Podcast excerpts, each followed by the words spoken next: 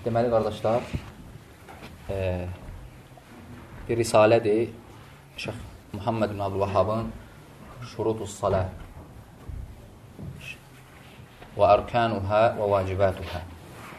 Yəni, qısa risalədir. Namazın şərtləri və ərkanları və vacibləri. Yəni müəllif Şeyx Muhammed bin Abdülvahab və şərh eləyən də müasir alimlərdən Şeyx Abbad, Abdülmuhsin Həməd Əl-Abbad Əl-Badr. Yəni, Şeyx Abbad məşhurdur. Yəni, qısa şərh verib kitaba. İnşallah götürək, yəni, asta-asta inşallah faydalı olar. Və buyurur, şurutus salət, namazın şərtləri. Əş-şurut cəm o şart. Yəni, şurut deyil, şərt sözünün cəmidir. Və şərt huvəl-ləzi yəlzəm min ədəmihil ədəm. Şərt sözünün tərifi şərt olmasa gərəkdirir ki, olmasın hansısa əməl. Əgər olmasa, gərəkli edir ki, olmasın, yoxluq. Və lə yəlzəm min vücudihi vücud və olması ilə mövcud olan şeyi gərəkdirmir. Olması ilə şərt vücudu gərəkdirmir. Vəl mənə, yəni bunun mənası, izahı Ənəhu yəlzə min kavnil insan qeyri mutadahhir ən la tasihə ləhu salah. Belə ki, insan dəstəmazlı olmasa, onun namazı səhih sayılmaz. Ləənnə şərt salə ət-təhara çünki namazın şərti təharətli olmaqdır. Namazın şərti təharətli olmaqdır. Yəni, dəstəmazlı olmaq şərtdir namaz üçün. Əgər dəstəmaz olmasa, namaz da yoxdur. Liqavlihi sallallahu aleyhi və səlləm Peyğəmbər sallallahu aleyhi və səlləmin bu sözünə əsasən Lə yəqbəlullahu salətə əhədikum İzə əhdəsə həttə yətəvadda Allah Taala sizdən birinizin namazını qəbul etməz, hətta dəstəmaz almayınca. Qad yetəvaddal insan summa yahdusu duna an yusalli salati bizalikal vudu və insan görürsən dəstəmaz alır və sonra dəstəmazı pozulur namaz qılmamışdan əvvəl. Və bununla insan yəni namaz qılmış sayılmır. Yəni e, şərtin olması, yəni əməlin olmasına dəlalət etmir. Amma şərtin olmaması əməlin olmamasına dəlalətdir. Yəni bu şərtin tərifi idi. Və buyurur müəllif rahimehullah Əş-şərtul əvvəl namazın ilk şərti, birinci şərti əl-İslam, təslim olmaqdır. Yəni müsəlman olmaq. Və dıdduhu əl-kufur, əksi də küfürdür. Vəl-kafir aməluhu mərdud və ləv amilə eyyü aməl. Belə ki, kafirin əməli mərduddur, qəbul olunmur, nə etsə belə. Və dəlilu qovluhu Teala buna dəlil Allah Taalanın bu sözüdür. Mə kənə lil müşrikinə ən ya'muru məsacidallahi şahidin alə ənfusihim bil kufur. Müşriklər küfür etdiklərini bilə-bilə onlara Allahın evini inşa etmək və ya abadlaşdırmaq yaraşmaz. Niyə? Ulaikə habitat a'maluhum çünki onların əməlləri puç olmuşdur.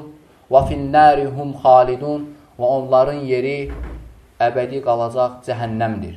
Və həmçinin ikinci ayə hansı ki kafirlərin əməli qəbul olunmur Allah yanında وَقَدِمْنَا إِلَى مَا عَمِلُوا مِنْ عَمَلٍ فَجَعَلْنَاهُ هَبَأً مَنْثُورًا Allah Teala Furqan surəsində buyurur, biz onların əməllərinə baxdıqdan sonra onları sovrulmuş toz dənəciklərinə çevirərik. Yəni, əməlləri var idi, lakin ixlas yox idi deyə Allah Teala onların əməllərini e, sovrulmuş toz dənəciklərinə çevirir. Kullu amalin yetaqarrab bihi ilallahi fi hadal ummah لا ينفع صاحبه إلا إذا كان مسبوقا بشهادة أن لا إله إلا الله وأن محمد رسول الله.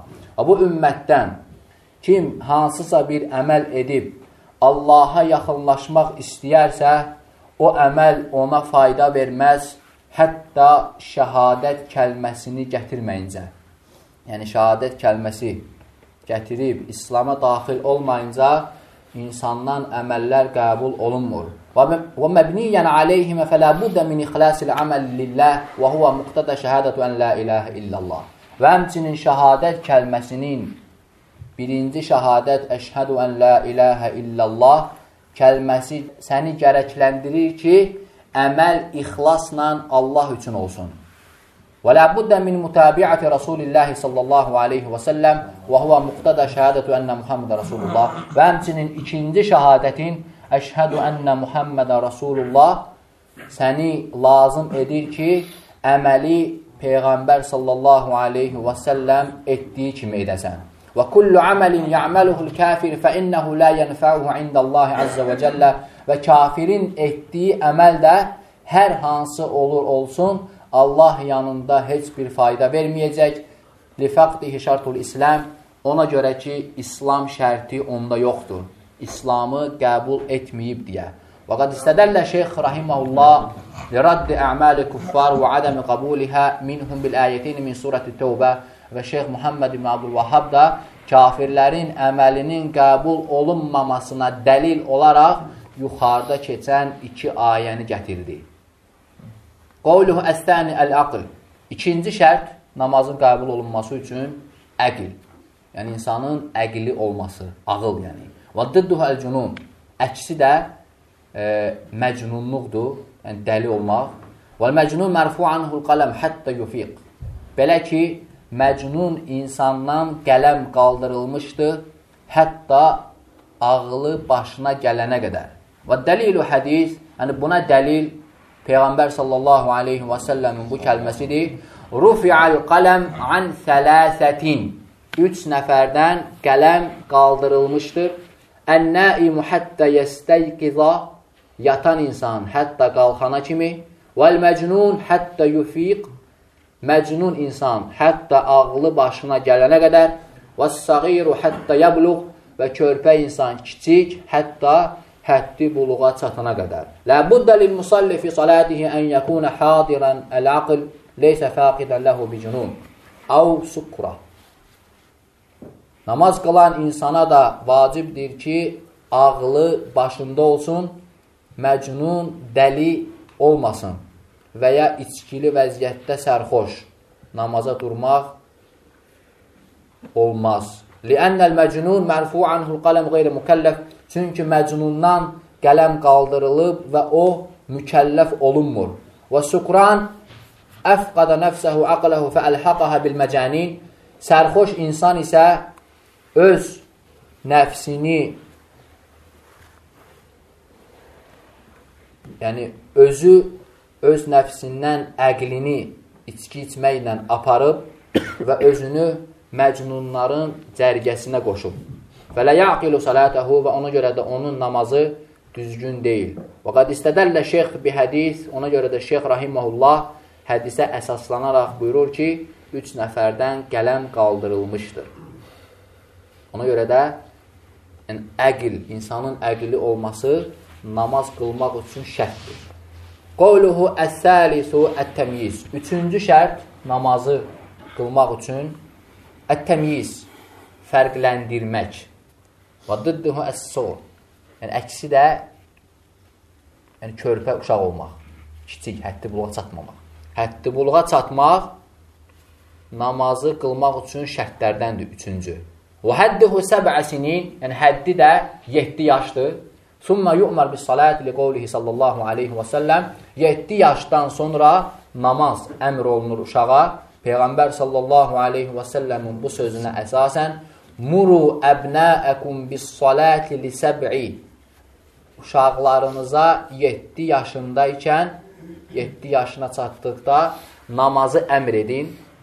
Vadribuhum aleyhə li əşri 10 yaşa çatdıqda isə vurun namaza qalxsınlar deyə. Və fərriqu beynəhum fil mədaci' və yataqlarını ayırın. İdə bələğə səğir təmyiz, sənnu təmyiz və huvə səb'i sininə əm umirə bis salat leysə alə səbilil icəb. Yəni, insan, uşaq 7 yaşına çatdıqda artıq namaza əmr olunur və lakin vacib dərəcəsinə çatdırmamaq şərti ilə. Liənnəl vücub innəmə yəkunu ba'dəl buluq çünki namaza vacib halı, yəni insan insana namaz vacib olur yalnız həddi buluğa çatdıqdan sonra. Bələğə əşərə sininə təəkkədə əmruhu bihə və uddibə alə zəlikə bid-darbi qeyrəl mubrih və 10 yaşına çatdıqda isə yəni, bu əmir güclənir və onu ədəbləndirmək üçün bəzən vurmaq olar lakin heç bir zədə və heç bir əziyyət olmamaq şərti ilə. Peyğəmbər sallallahu aleyhi və səlləm buyurur, Muru əbnəəkum bis salati li səb'i övladlarınıza 7 yaşında namazı əmr edin. Qovluhu əşşərtur rabi yəni, dördüncü şərt namaz qılmaq üçün raf'ul hədəs və huvəl vudu əl-ma'ruf namaza dəstəmaz almaq. Dəstəmaz almaq dördüncü şərtdir. Əl-hədəs, yəni hədəs kəlməsi Huvə kullu xarici min səbileyn və kəzə ey naqilir vudu. Arxadan və qabaqdan hər bir çıxan şey əl-hədəs. Yəni, hədəs kəlməsi bu deməkdir. Yəni, arxadan və qabaqdan çıxan hər bir şey dəstəmazı pozur. Vəl-hədəs huvəl-ləzi yucibul vudu və bu hədəs dəstəmazı vacib edir. Yəni, qabaqdan və arxadan çıxan hər bir şey dəstəmazı vacib edir. Vəl-hədəs hədəsən Yəni, hədəs iki növ olur. Hədəsu əkbar və huvə mə yucibul qusul və huvəl cənəbə vəl heydi və nifəs. Birincisi, böyük hədəsdir. Yəni, vacib edir sənə qüsul almağı. Misal üçün, cünub olduqda, qadın heyz və nifaslı halda olduqda. Buna deyirlər, böyük hədəs. Yəni, e, bu halda insan qüsul alır. Və hədəs əsxar huvə mə yucibul vudu və rəful hədəs yəkunu bil qusul vəl vudu. Kiçik hədəs isə yəni sənə vacib edir ki, dəstəmaz alasan. Yalnız dəstəmaz. Və qabaqdan və arxadan çıxan hər bir şeyi qaldırmaq üçün, yəni bu haldan qurtarmaq üçün yalnız qüsul almalısan və ya dəstəmaz. Limən vəcədəl mə su tapan adamlar üçün. Av quddirə alə istimalihi və ya e, su ilə istifadə etməyə qüdrəti çatırsa. Və idə ləm yücədil mə av vücid əgər su tapmasa və ya tapsa və lakin ləm yuqdar alə istimalihi və lakin su var sudan istifadə etməyə qüdrəti çatmır. İntuq ilə ilə raf'i kulli minəl hədəsil əkbər vəl əsxar bit təyəmmüm böyük və kiçik hədəsi qaldırır təyəmmüm ilə. Böyük və kiçik hədəsi zikr olunan təyəmmüm ilə ödüyür. Əgər su olsa və sudan istifadə etməyə qüdrəti çatmasa, təyəmmüm almaqla ikisini də ödüyür. Və edə təyəmməmə li hədəsil əkbar, sümmə vəcədəl mə. Əgər böyük hədəsə təyəmmüm alsa, Sonra su tapsa, ixtus ilə liqovlihi sallallahu aleyhi və səlləm Peyğəmbər sallallahu aleyhi və səlləmin bu sözünə əsasən qüsul almalıdır. Yəni, bir insan əgər cünub halında olsa və boynunda qüsul almaq olsa, təyəmmüm edərsə, yəni su tapmasa və sonra su tapdıqdan sonra mütləq qüsul almalıdır. Peyğəmbər sallallahu aleyhi və səlləm buyurur ki, İnnəs səidə tayyibə təhurul muslim. Təmiz palçıq, torpaq və ya daş müsəlmanı təmizləndirən maddələrdəndir. Və illəm yəcidil məə əşrə sinin 10 il belə su tapmasa, 10 il belə su tapmasa, torpaqla, daşla təyəmmüm almaq olar. Və sonra buyurur Peyğəmbər sallallahu aleyhi və səlləm فَإِذَا وَجَدَ الْمَا فَلْيُمِسَّهُ بَشَرَتَهُ Su tapdıqda isə qüsul alsın. Yəni, bütün bədənini yusun. Yəni, hədis də görsədir ki, təyəmmüm aldıqdan sonra su tapıldıqda mütləq qüsul almaq vacibdir. Və izə ixtasələ mən aleyhi hədəs əkbər və nəvə rəful hədəsil əkbər vəl-əsxar irtəfəə. Və şeyx buyurur, əgər bir insan qüsul alarsa, cənabət qüsulu və niyyət edərsə ki, kiçik hədəsi də qaldırsın, yəni ödəsin və ikisinə də niyyət edir və sonradan dəstəmaz almır. Yəni, insan e, cünublu halda olduqda qüsul alarkən dəstəmazı da niyyət edir və qüsulu da niyyət edir və qüsul aldıqdan sonra dəstəmaz almağa ehtiyac qalmır. Cümə namazında isə, cümə namazına gəldikdə və ya bayram namazlarına gəldikdə insan qüsul alır və lakin sonradan dəstəmaz da alır, almalıdır. Aydındır? Və sonra şeyx buyurur, şurutul vudu dəstəmazın şərtləri. Və inşallah bu da qalsın gələn dərsə. Və sallallahu alə nəbiyyina Muhammed və alə əlihi və sahbihi əcmain.